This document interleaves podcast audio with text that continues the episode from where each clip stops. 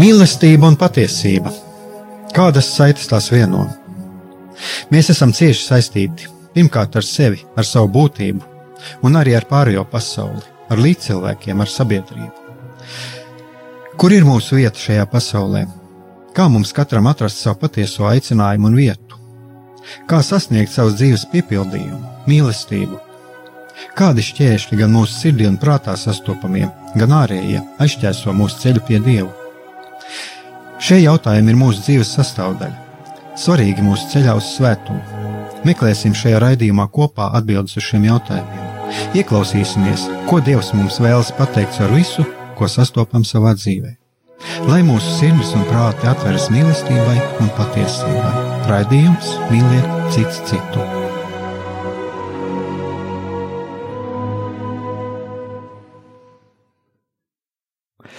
Lai top slavēts Jēzus Kristus, esiet sveicināti, darbie radioklausītāji. Šis ir redzējums mīlēt cits citu. Studijā esmu es Egārs Brikmanis, un atkal pie mums studijā viesojās Jānis Jākopsons. Un uh, vēl pie mums viesojas, es vismaz zinu, ka viens sargeņģēls, jo no mūsu evanģelizācijas šūniņas viena šūnīte uzrakstīja, arī mans sargeņģēlis būs pie jums. Šūniņā. Tā kā es domāju, ka, un es ceru, ka daudz, daudz sargeņģelīšu pie mums ir šajā, šajā raidījumā. Un tātad eh, šodien mēs ar Jāni Jakobsonu atkal šeit esam radio studijā, un šodienas tēma, šodienas tēma mums būs jau nākamais Otrais eh, dievišķais, dievišķais tikums, kas ir cerība.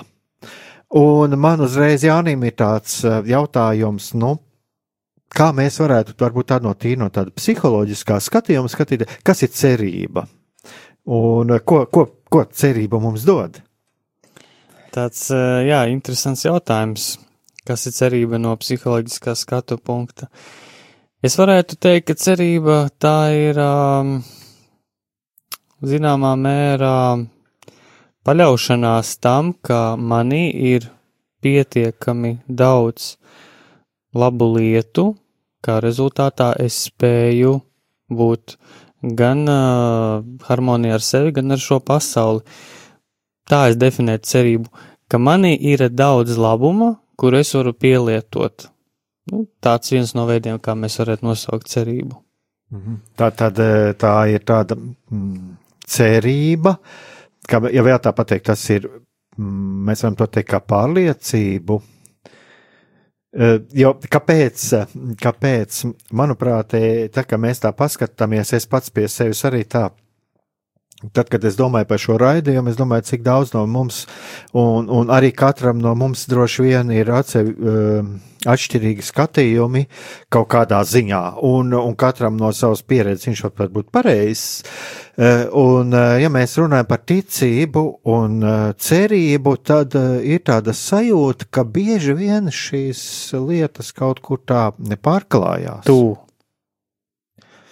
Un pat ļoti tuvu. Uh, Jā, un es pat teiktu, kaut kur liekas, ka arī pārklājās. Jā. Un um, vienīgais, ko es uzreiz varu pateikt, es, nu, ja mēs paskatāmies, kas ir katehismā, tad tur mēs redzam, uh, tur mēs redzam šīs atšķirības, uh, kur ticība ir, ticība ir, kad mēs ticam uz Dievu, visam, ko Viņš mums sacīs, atklājis un ko Svētā baznīca piedāvā ticēšanai.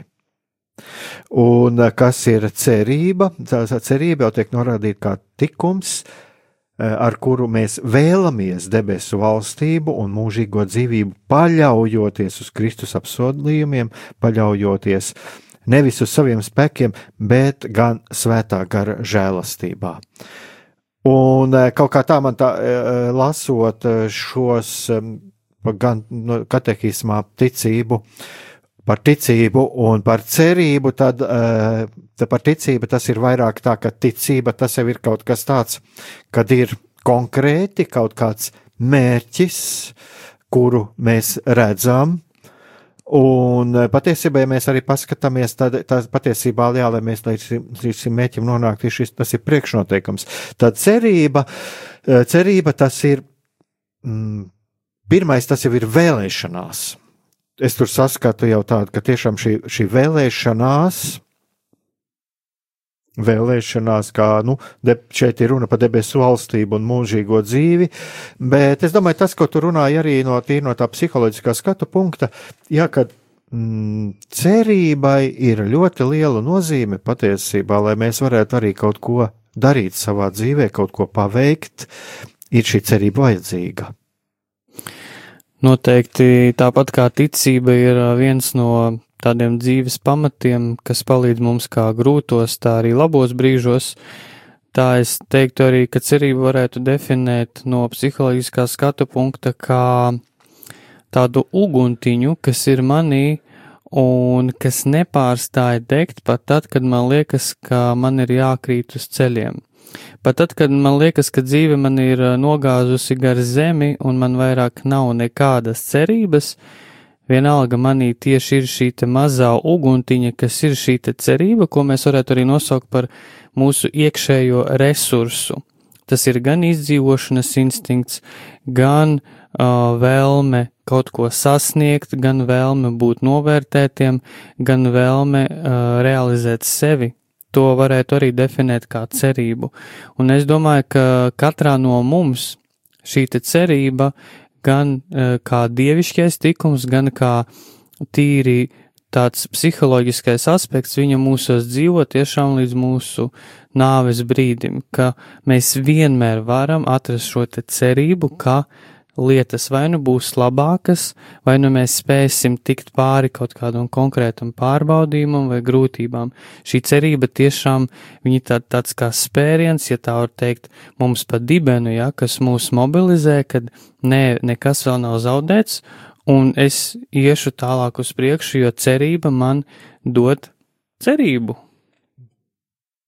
Šeit es redzu tādu saskarsmes punktu patiesībā, ja mēs paskatāmies uh, uz svētajiem rakstiem un um, to, kas ir teikts svētajos rakstos. Un zīmīgi vēl viena tāda interesanta lieta, kad es paskatījos Bībelē, un es arī caur Google un dažādos veidos mēģināju atrast, kur ir daudz svētajos rakstos ir minēts par cerību, tāda es pamat, pamatā redzu, gan to es redzu katehismā, gan arī dažādu autoru komentāros, ir ļoti daudz pieminēts apustulis Pāvils.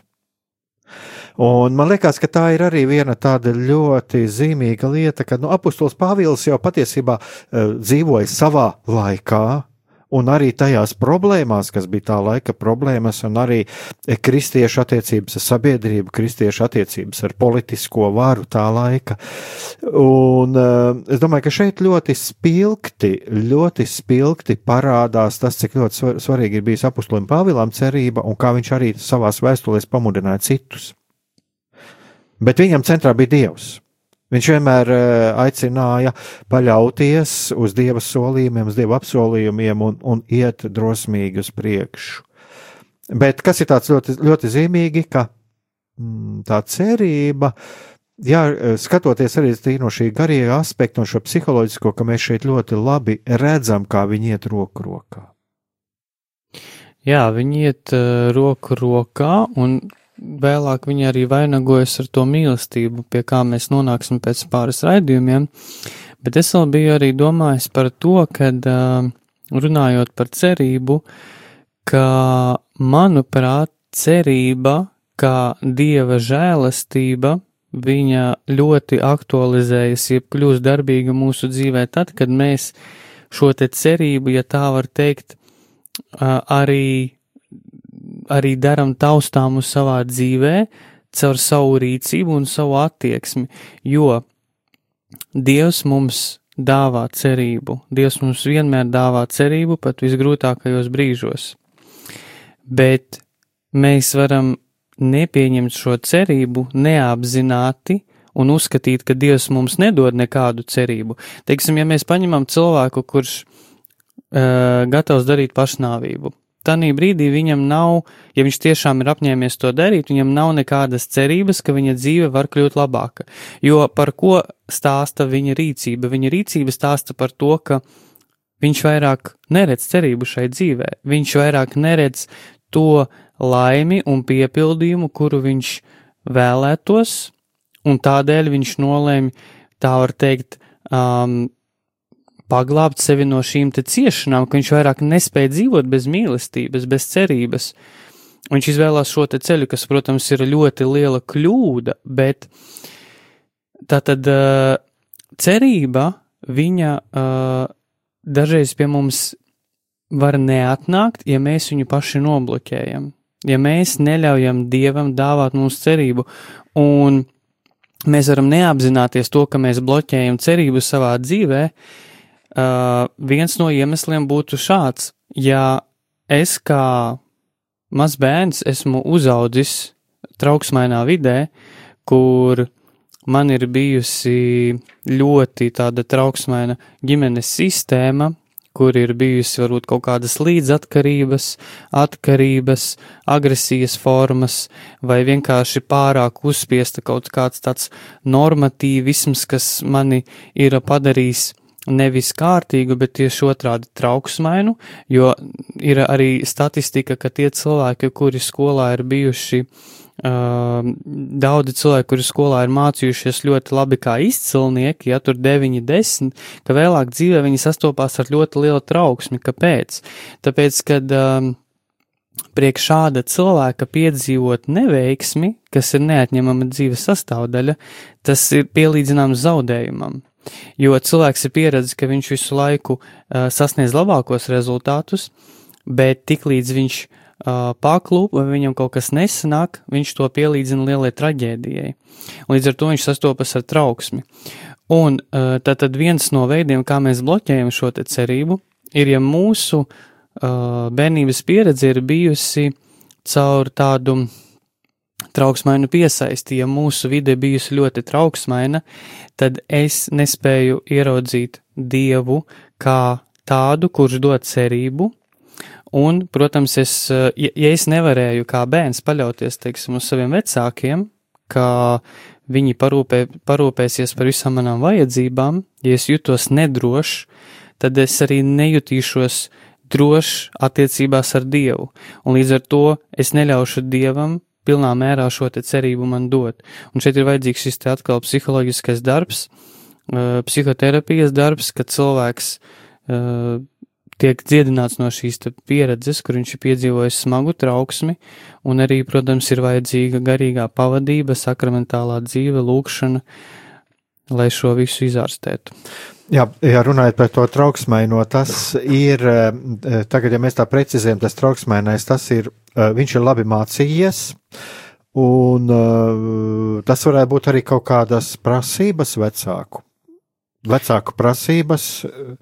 Um, nu, es atkal šeit runāju arī kaut kur no savas pieredzes, jo man arī nācies saskarties ar, ar cilvēkam, ir uh, kārtība, nu, tā ļoti, ļoti laba ģimene, no ve, bet no vecākiem ir, ir bijušas prasības, labas, labas atzīmes, un tās labās atzīmes ir bijušas, un apmēram tas, ko tu stāsti.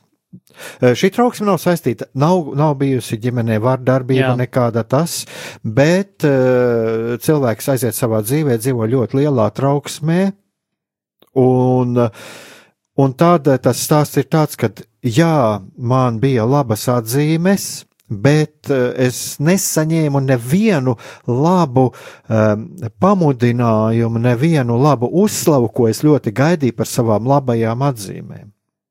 Nekādas vardarbības, nekas tāds, ja, bet tā bija tā ļoti liela sāpe. Jā, kā es dzirdēju kādu stāstu no vienas psiholoģijas, kas man ļoti uzrunāja, viņa sacīja, ka uh, bērns atnāk uz mājām, un viņam sāp galva. Nu, tur ir 7, 8 gadi bērnam. Un vecāki nevar saprast, kas par lietu. Temperatūras viņam nav, ne ar ko saslimis viņš nav, bet viņam ļoti, ļoti sāp galva.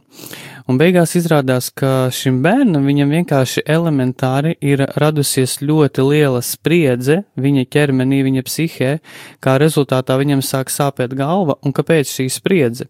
Tāpēc, ka vecāki un skolotāji viņam saka, ka viņam ir jābūt visos priekšmetos izcilniekam.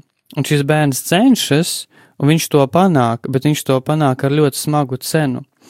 Un, teiksim, ja bērnam ir talants, nu, teiksim, sportā, bet viņam netik ļoti patīk matemātika, jeb otrādi, tad labāk ir likt bērnam uzsvaru uz to priekšmetu, kas viņam padodas. Labāk, lai viņam ir tādā sportā devītnieks un matemātikā zemāka atzīme, nekā viņš sevi lauž burtiski tajos abos priekšmetos, un beig beigās viņam tā mati matemātika īsti nebūs vajadzīga, un tas viņā vienkārši rada spriedzi. Un bērna psihe viņa nav tam gatava, viņa vienkārši to, to nevar panest, jo bērnam tā ir ļoti liela slodze, viņš jūt arī lielu atbildību, un viņš negrib pievilt savus vecākus. Un jā, šādi cilvēks, kļūstot pieaudzis, viņš sev neapzināti uzliek šos te vecāku lielos standartus, jeb es teiktu, uh, nerealistiskus standartus. Un tiklīdz viņš viņus nevar īstenot savā dzīvē, vai kā tēvs, vai kā vīrs, vienalga kas, varbūt pat kā garīdznieks, jā, tad viņā parādās trauksme, kas, kas tālāk var aizvest pat līdz depresijai. Un, protams, tas ir arī veids, kā šī cerība cilvēka dzīvē tiek bloķēta, ja viņam tika likta šī te nasta, kuru viņam nemaz nebija jānes.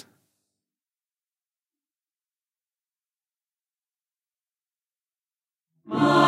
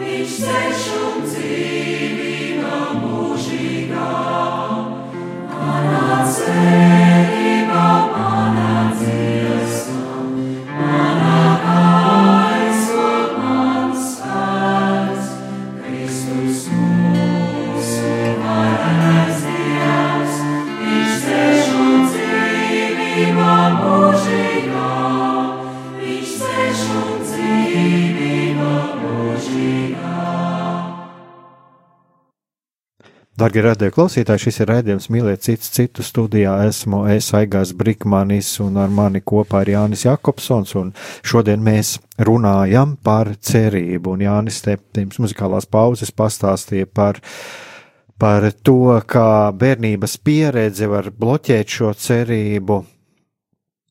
Un uh, jā, cik eh, ļoti svarīgi patiesībā es to redzu tā. Un, un, un šo, šajās raidījumos jau par to ir runāts agrāk, ka ir ļoti svarīgi vecākiem un arī pedagogiem respektēt un, un arī atbalstīt eh, bērnu tajos talantos, kas viņam ir. Jā, likt uzsvaru uz to.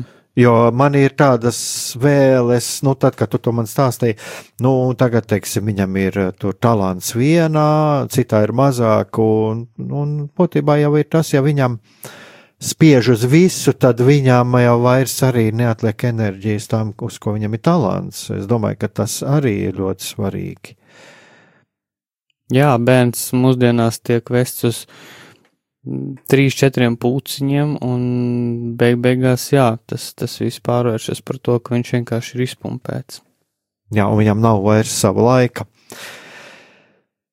Tā, kas vēl ir, skatos, tev ir, un vēl ir arī mums ir iespēja studiju sazināties, varbūt tu vari nosaukt. Jā, jūs varat droši sūtīt savus īziņus uz tālruni 266 77 272, atkārtošu vēlreiz 266, 77, 272. Labprāt uzklausīsim jūsu jautājumus. Jā, un jautājumus, un, un varbūt arī pašiem ir kaut kādas domas un kaut kāda pieredze. Arī to mēs um, labprāt, labprāt, um, labprāt uh, uzzinātu.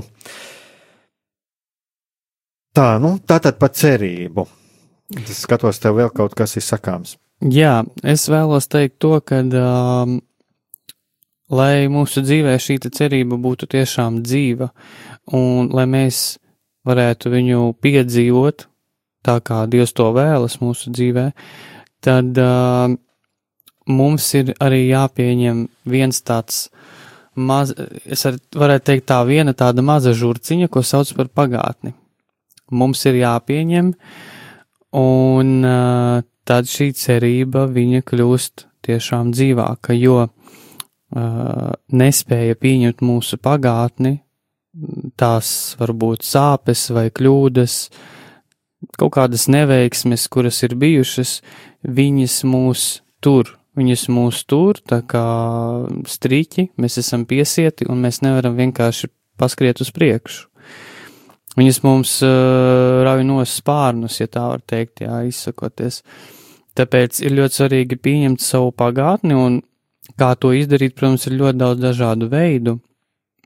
Bet uh, mums, kā kristiešiem, pats labākais, ka mēs varam lūkšanā doties pie Dieva, un mēs varam lēni, nesteidzīgi, tam, jau, tam nav jānotiek vienas dienas laikā, tas varbūt prasīs nedēļu vai pat mēnešus, bet mēs rūpīgi caurskatām, kas ir tās lietas manā pagātnē, kas man ir atstājušas sāpes, kas ir tās lietas, kuras es neesmu izraudājis, bet es vēlētos, kas ir tās lietas, par kurām man ir dusmas, un tad varbūt es varu aizbraukt uz kādu, nezinu, pie dabas kaut kur pastaigāties gar kādu taku, pie meža, pie jūras, un tiešām izkliegt dievam šīs sāpes.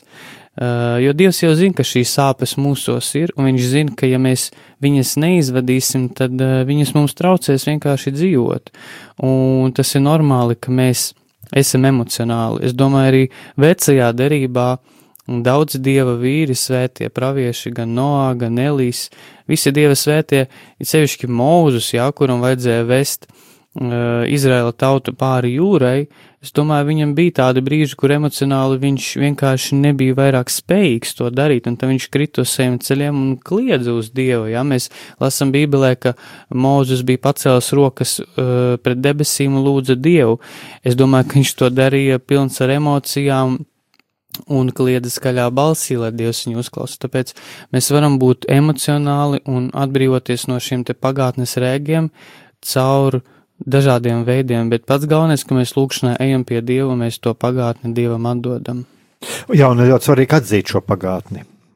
ir arī ļoti svarīgi atzīt. Un, uh, es domāju, šeit arī ir ļoti svarīgi, mēs viņu atzīstam, mēs viņu nemēģinām norakt kaut kur zemapziņā, izlikties, ka viņas nav, jo tad tas agri vēl nāks, nāks, at, nāks atpakaļ. Un tas ir arī tā kā tāda smaga nasta, kas mums neļauj īsti spārnos celties. Jā, jā, Tas tā noteikti ir. Tāpēc arī ļoti labs rīks, ko, teiksim, es pats izmantoju un daudzi cilvēki iesaka, ir, ka ir vienkārši maza kladīta dienas grāmata, kurā es pierakstu visas tās lietas, kuras man liekas būtiskas, vai tie būtu kādi dieva pamudinājumi, iedvesmas, vai, vai tas būtu manas pārdomas, vai, vai tas pats mans pagātnes apraksts, kur es varu uzdot savu jautājumus, kas notika, kāpēc, kāpēc man tas sāp kā es vēlētos, eh, lai šī lieta nebūtu manā dzīvē. Un eh, ļoti svarīgs jautājums, kas mainītos manā dzīvē, ja man vairāk nebūtu šīs sāpes par pagātni.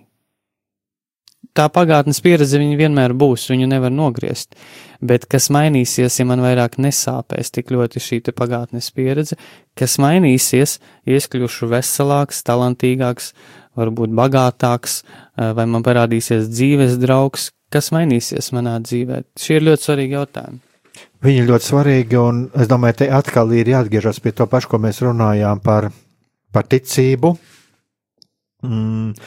Uh, un tavā stāstītajā es arī to redzu, ka arī tas ir ceļš ejams, un uh, nu, nav tāda cerību mēra uh, To tikai Dievs zina, cik tālu mēs esam un aizgājuši un arī šavā, šajā ceļā, savā cerības ceļā. Bet uh, es domāju, ka šie stāsti par mūzu un, uh, un vispār par, par visiem svētajiem ir uh, ļoti noderīgs piemērs arī tā, tam, lai mēs nejustos vientuļi. Jo atkal, te atkal atgriežamies pie tā, man atkal iznāca pirms dažām dienām arī runāt, kur arī cilvēki saka, nu jā, bet eh, kāda runa par svētumu var būt, ja man ir tur un tādas un tāda emocija un tas un tas. Es saku, nu, tas ir ceļš uz svētumu. Jā, jo tu jau izsaki, tu to izsaki, tu izsaki dievam.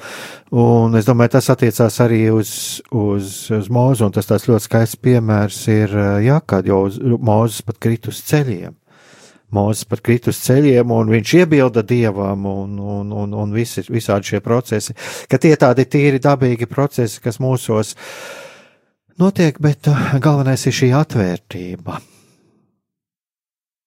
Jā, atvērtība, un ka mēs apzināmies to, ka mēs varam arī attiecībās ar Dievu būt līdzīgi kā cilvēki. Mēs varam dusmoties, mēs varam pat uh, apbižoties, jā, mēs varam priecāties un tā tālāk, bet ka mēs paturam prātā to, ka Dievs ir mūsu tēvs un viņš tomēr zina labāk, un es esmu cilvēks, un mana, mana izpratne un zināšana ir ierobežota, un beigu beigās man ir uh, kā saka, jākļūst pazemīgam un jāpieņem to, ka Dievs ir kungs un es esmu cilvēks, bet tas ne, ne, neizslēdz to, ka Dievs ir arī mans draugs, ar kuru man ir attiecības, un šajās attiecībās arī ir iesaistītas emocijas, jo ja emociju nav, tad tā ir nedzīva draudzība. Jā, tā tad ir vajadzīgs arī emocijas un Nu jā, galu galā mēs jau Dievu varam uztvērt eh, arī eh, tas ir mm, atkarīgs no mūsu pieredzes, tēvs, draugs. Tas ir arī daudz kas atkarīgs no mūsu pieredzes, un tas, manuprāt, ir arī pilnīgi normāli.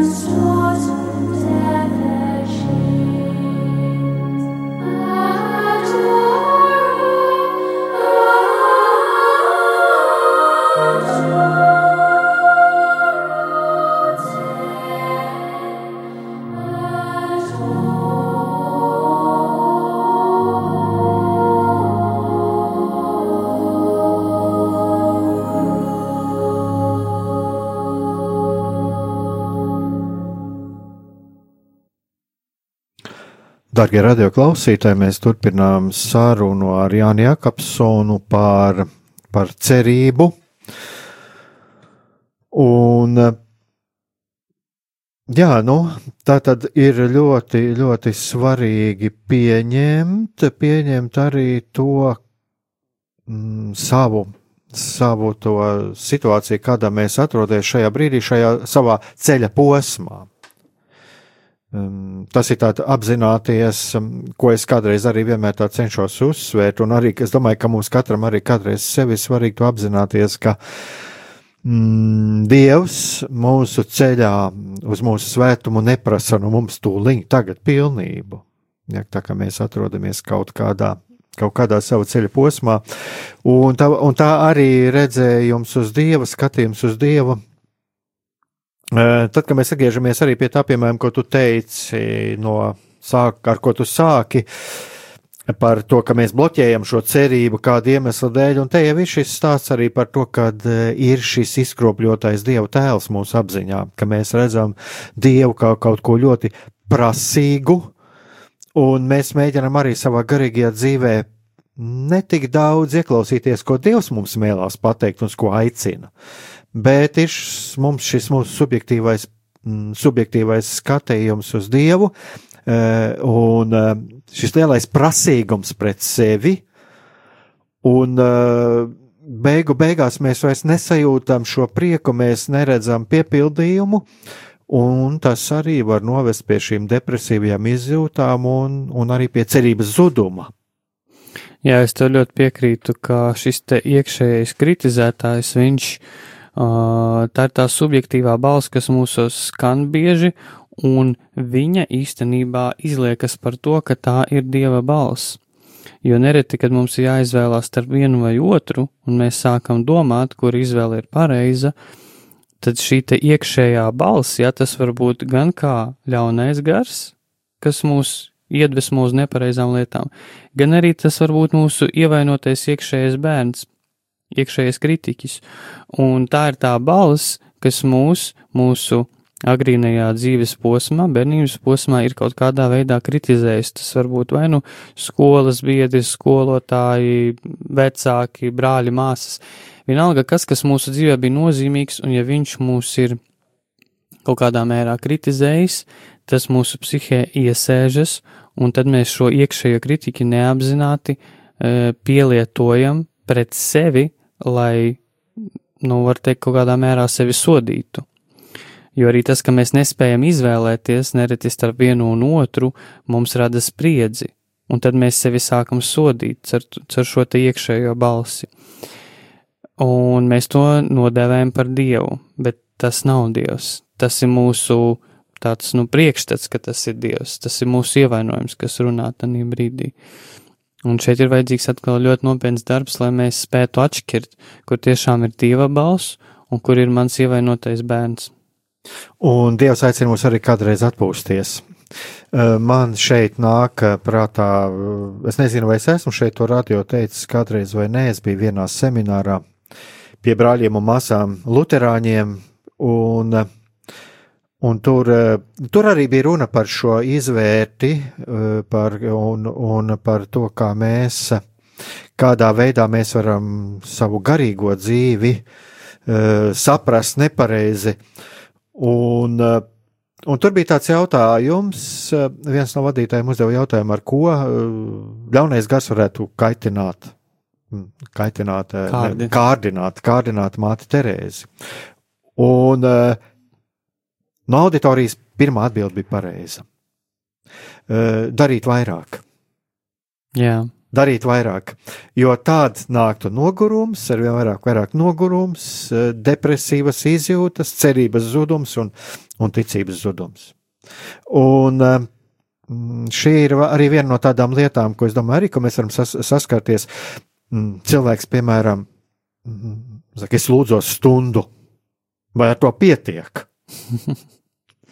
es kādreiz tad es saku, paga, paga, vai tev vispār kaut kam citam arī tad atliek laiks, izņemot lūkšana un, un, un, un, un darbs vai mācības. Jā, jo mēs jau, nu, mēs neesam, kā mūsu vienās rekolekcijās, arī es atceros vienmēr, arī ko atgādina uh, Ignāciskajās rekolekcijās par lūkšanām arī, kad, uh, nu, mums ir lūkšanas un, un visas šīs lietas mums jāiz, nu, jāpaņem atbilst, jāizvēlās atbilstoši tā ir vietai sabiedrībā, kur mēs esam. Un ja mums ir, teiksim, ģimene, uh, laulātais un bērni, tad, nu, mēs uh, pirmais pienākums arī šeit, šajā pasaulē, ir paskatīties, nu, kā, kā, kā, rod, kā jūtas tas cilvēks, ar kuru Dievs mūs ir savedis kopā, jā, lai mēs šo mīlestību. Mm, lai šī mīlestība netiktu ziedota tam, ko, ko, ko patiesībā Dievs nemaz nevēlas. Ja? Ko Dievs vēlās, lai mēs otru mīlētu, lai mēs kalpotu tam otram, palīdzētu tam otram, kas mums ir blakus. Ja? Un, un tā, man liekas, arī tāda ļoti zīmīga lieta, ar ko nākās saskarties. Visādos veidos, jo, e, gan tie, kas ir piedzīvojuši kaut kādu vārdarbību, atstātību, gan tiem, kā, no kuriem ir bijuši ļoti uh, ļoti lielas prasības no tiem cilvēkiem, kā tu pareizi pateici, arī kas ir ļoti zīmīgi. Eh, visvairāk sāp eh, pāri darījums un prasības no tiem cilvēkiem, kas mums ir vistuvākie, uz kuriem mēs, uz kuriem mēs ceram visvairāk un no kuriem mēs savā ziņā kā bērni pat esam atkarīgi. Tās ir vis tās sāpīgākās lietas. Un tad sākās šie pārspīlējumi gan sabiedrībā, mēs gribam nopelnīt tādu zinību un tādu uh, strādājam līdz krītam, jo liekas, ka tam mēs būsim labāki. Un tas pats varbūt arī garīgajā dzīvē, kad mēs uh, lūdzamies līdz kritē, krišanai, skrienam kalpot no vienas vietas uz otru, bet um, patiesībā mēs um, nedzirdam to kluso dieva balsi, kur mums reiz pareizi mēģina atgādināt, nu pagaidi, bet es tevi mīlu. Varbūt Dievs to vēlās mums pateikt. Ja ka, un ka tev arī ir tava veselība, tava psihiskā, fiziskā veselība, kas pēc būtības arī ir vajadzīga, svēta lieta, un Dievs kā mīlošs tēvs skatās, un, un viņam sāp, ka bērns sevi nodzen gandrīz līdz nāvei. Nu, tas man tā, tādas pārdomas radās par šo, par to, ko tu stāstīji, ja, par tiem lietām, cik, mm, jā, kā, kā cilvēks nav sajūta to mīlestību, atbalstu, un, un kā viņš var arī šajā garīgajā ceļā arī var. Tas, kas mums liekas ļoti garīgs, svēts, bet patiesībā tas ir tas, kas mūs var no šīs ceļu svētuma pat attālināt. Tātad, nu, pirmais, arī mīlestību uz sevi neaizmirst. Jā, un redziet, kā tu saki, ka, ja cilvēks nav saņēmis šo veselīgo mīlestību, tad uh, viņam ir grūti izrādīt šo mīlestību pret sevi. Un, uh, ja cilvēks ir uh, ticīgs, reliģijos, tad uh, var notikt tāds tiešām kārdinājums, ka cilvēks, uh, viņam ir kaut kāds konkrēts dienas ritms, uh, lūkšana, darbs un tā tālāk. Un ar laiku, ar laiku, teiksim, paņemsim kādu jaunu sievieti, varbūt, kura uh, konstanti satiekoties ar savu draugu, viņa viņai nu, tiešām, var teikt, sūdzas un žēlojas un saka, zini, man ļoti, ļoti gribas atpūsties, man ļoti gribas aiziet tur, nezinu, uz kādu sejas procedūru, kādu masku sev uzlikt, nu tiešām vienkārši atpūsties un uz brīdi ļaut sev justies kā sievietei, kaut vai uz brīdi. Uh, un neskatoties uz to, cilvēks vienalga turpina iet, uh, viņam ir lūkšana darbs, lūkšana darbs vairāk nekā cita nav. Un šim cilvēkam liekas, ka bezmaz vai Dievs viņam liedz aiziet un atpūsties. Ja, ka viņam visu laiku, ja viņš pārstās uz vienu brīdi lūgties, tad tu varētu salīdzināt, ka viņš ir kā, uh, kā vilciens, kurš tu ir noskries no skrejceļa. Bet īstenībā ko vajadzētu darīt. Neviens jau tev neliedz apstāties. Tu vienkārši apstājies un aizej uz to procedūru. Tev nav jālūdz dievam atļauja, vai tu vari izdarīt kaut kādu lietu, pēc kuras tu ilgojies, ja tā tev nāk par labu. Tev nav jāprasa dievam atļauja, vai tu vari aiziet uh, piekdienas vakarā ar eh, kādiem zolīdiem draugiem uz teātri un pēc tam izbaudīt vīna glāzi. Tev nav dievam jāprasa par to atļauju, bet daudz cilvēku viņi šaubās, vai es tiešām to varu. Un tad viņi ar tām šaubām sevi aizved līdz trauksmei. Un beig beigās uh, vienīgais glābiņš ar to trauksmi atkal doties lūkšanā. Lūkšanā ir kaut kāds mierinājums, bet tad atkal turpinās šī secība, ja ka es sev nevaru neko atļauties.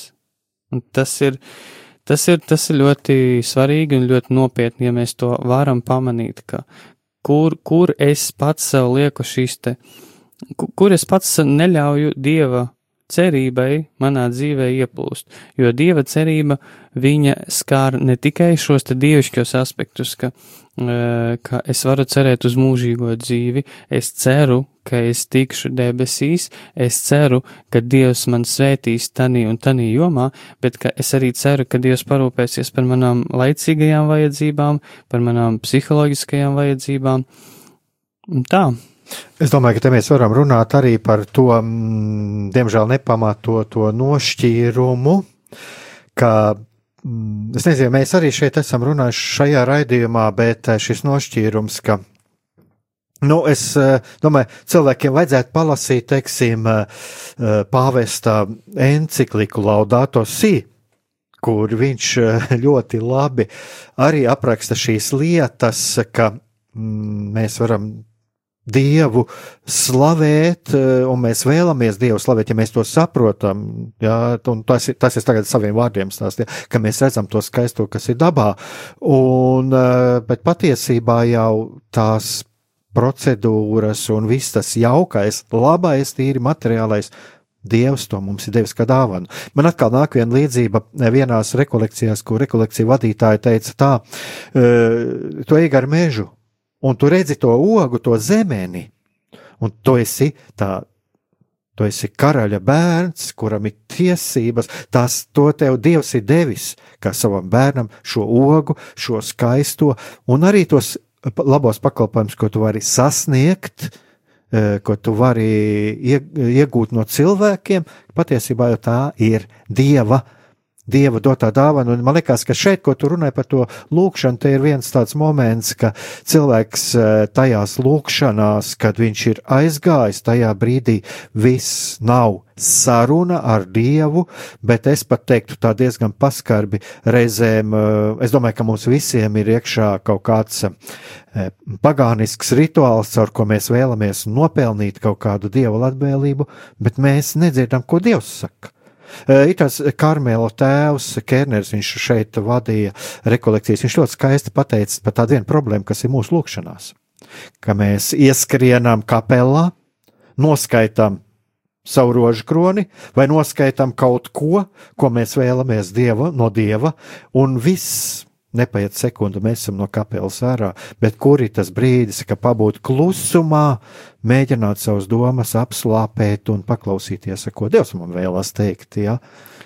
Es pat tev pieteikšu vēl klāt tādu momentu runāt par kapelu, ka man, man ir personīgi bijusi tāda pieredze, ka es atnāku uz kapelu, un tā ir mana mīļākā vieta, kur lūgties. Ja es atnāku uz kapelu, un man ir tiešām tādas dienas, kad es, es burtiski esmu noguris emocionāli, fiziski, un es nevaru apstāties uz ceļiem. Man vienkārši nav tam spēka. Un agrāk es sevi lauzu un es kritu uz tiem ceļiem, un man bija e, diskomforts veidot sarunu ar Dievu tajā brīdī, jo man bija nērti, man tiešām bija nērti fiziski, jā. Es biju noguris, un es vairāk domāju par savu nogurumu un nērtumu nekā par sarunu ar Dievu. Un tad vienu dienu es sapratu, vai Dievam ir tik svarīgi tajā brīdī, vai es sēžu, vai es esmu uz ceļiem, vai viņam ir svarīga šī patiesā saruna.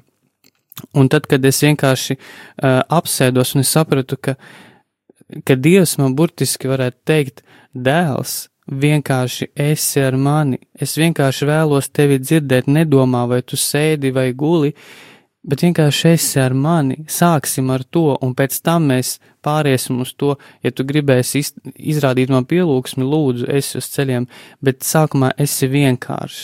Nelauz sevi tanī brīdī, kad tu jūti, ka tu esi jau tuvu tam, ka tu salūzīsi. Tas nav vajadzīgs.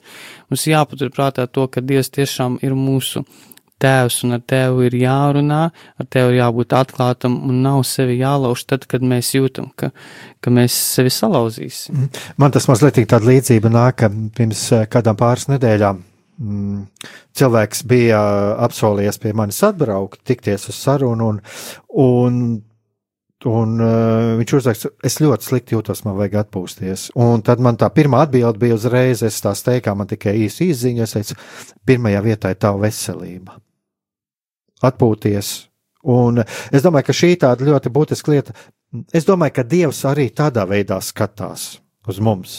E, un es atkal tagad klausītājiem tā vēlos arī mazliet atgādināt. Nav jau runa, patiesībā jau šeit nav runa to, ka mēs tagad abi sēžam un Un tagad mēģinam aicināt, nē, nu tagad nē, nelūdzieties, nē, baznīca nu, aicina lūgties, lūdzieties, lūdzieties, un pat tad, ja jūs lūdzieties tā kā, tā kā mēs šeit sakām, nedzirdot Dievu. Bet es atkal gribu teikt to, kā Vīls Terēze teica, ka mm, jau pati vēlēšanās lūgties, pati vēlēšanās lūgties jau ir kā lūkšana, tā jau ir, tā jau ir svētība, tas nāk no Dieva. Un, um, Un atkal šeit jau ir, nav jau tāds recepts, nav tāds recepts pareiza, nepareiza lūkšana pēc būtības tas nav, e, bet tikai šeit ir runa par tādām arī šādām, nu, teiksim, par tādām galējībām, kur, nu, Dievs neprasa atkal atgādināt, ja, atkal, ka Dievs jau neprasa, arī kā tu teici, ja, Dievs jau neprasa, Dievs neprasa, lai mēs uh, sevi nodzītu, un, um, un nokautu. Jā, Dievs vēlās arī, lai mēs atpūstos, lai mēs veltītu laiku savam, arī saviem hobijiem, saviem tuvajiem, mīļajiem cilvēkiem. Un galu galā, ja mēs pieņemam šo pasauli un to labo, ko Dievs mums dod, ar ko Dievs mums dod arī prieku, iepriecina, arī tās labās baudas, galu galā, ja mēs, jo vairāk mēs esam to apzināmies, ka tās ir dāvāns no Dieva pašas par sevi labas, arī tas, kas mūs iepriecina, tāda jau mūsu paša dzīve, viss, arī tas, ko mēs izbaudām, kļūst arī kā mūsu Lūkšana kā pateicība, lūkšana, un šeit viens moments ir arī pateikties Dievam par šo labo, ko mēs esam piedzīvojuši. Tad jau mūsu dzīve jau kļūst kā lūkšana, kur tie brīži, kad mēs esam kopā ar Dievu ar svētajiem rakstiem vai kapelā, tas jau ir tas atsevišķais intīmais brīdis, kur jau tad mēs tiešām jau sajūtam to patieso Dieva mīlestību. Jā, un es pavisam īsi vēlos piebilst par cerību, ka mēs varam ņemt tādu salīdzinājumu, ka kāpurs, šodien viņš ir kāpurs, un rītdien viņš jau ir uh, taurenis, jā. Uh, šodien viņš ir bez spārniem, viņam liekas, viņš mētājas pa dubļiem netīrajiem, rītdien viņš jau lido kā skaists taurenis, jā, un to mēs varam attiecināt pret mūsu dzīvi, ka šodien varbūt man ir slikti, bet rītdien būs labāk. Un, kā teica Akvīnas Toms, svētais Akvīnas Toms, viņš teica, tad, kad tev ir slikti, un tā pārfrāzējot viņu, viņš teica, tad, kad tu jūties slikti un nesaproti, kas notiek, viņš teica, tev ir jāpieņem karstu vannu, jāiedzer vīna glāzi un jāiet gulēt. Ja, tāds.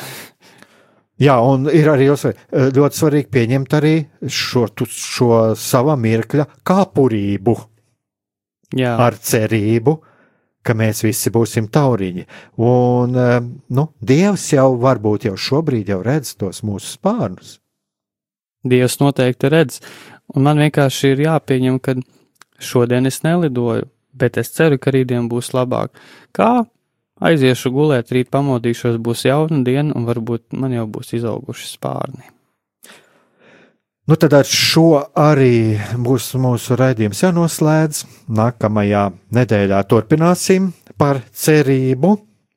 Un eh, tagad tiešām, darbie radioklausītāji, lai mums visiem izdodas, es pat teikšu, man tā, tāds vārds radās, lai mums izdodas mīlestībā pieņemt arī to savu kāpurību, kurā mēs esam, jo, jo Dievs mums ir sagatavojis brīnišķīgu dāvanu, būt par šiem tauriņiem, un galu galā mēs, mēs taču esam tie mm, debesu un zemes radītāji bērni. Mēs esam e, tā karaliski radīti, un, un tāpēc, lai mūsos ir šī cerība, šie cerības spārni, lai mūsos, mūsos aug un stiprinās līdz nākamajai reizei, un tiešām, lai mūs pavada cerība un dieva žēlastība līdz nākamajai nedēļai ar Dievu.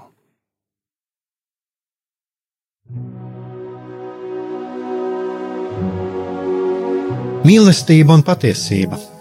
Kādas saites tās vieno? Mēs esam cieši saistīti pirmkārt ar sevi, ar savu būtību, un arī ar pārējo pasauli, ar līdzcilvēkiem, ar sabiedrību. Kur ir mūsu vieta šajā pasaulē? Kā mums katram atrast savu patieso aicinājumu un vietu? Kā sasniegt savas dzīves piepildījumu, mīlestību. Kādi šķēršļi gan mūsu sirdī un prātā sastopamie, gan ārējie aizķēso mūsu ceļu pie Dieva? Šie jautājumi ir mūsu dzīves sastāvdaļa, svarīgi mūsu ceļā uz svētumu. Meklēsim šajā raidījumā kopā atbildes uz šiem jautājumiem. Ieklausīsimies, ko Dievs mums vēlas pateikt ar visu, ko sastopam savā dzīvē. Lai mūsu sirds un prāti atveras mīlestībai un patiesībai. Raidījums mīliet citu citu.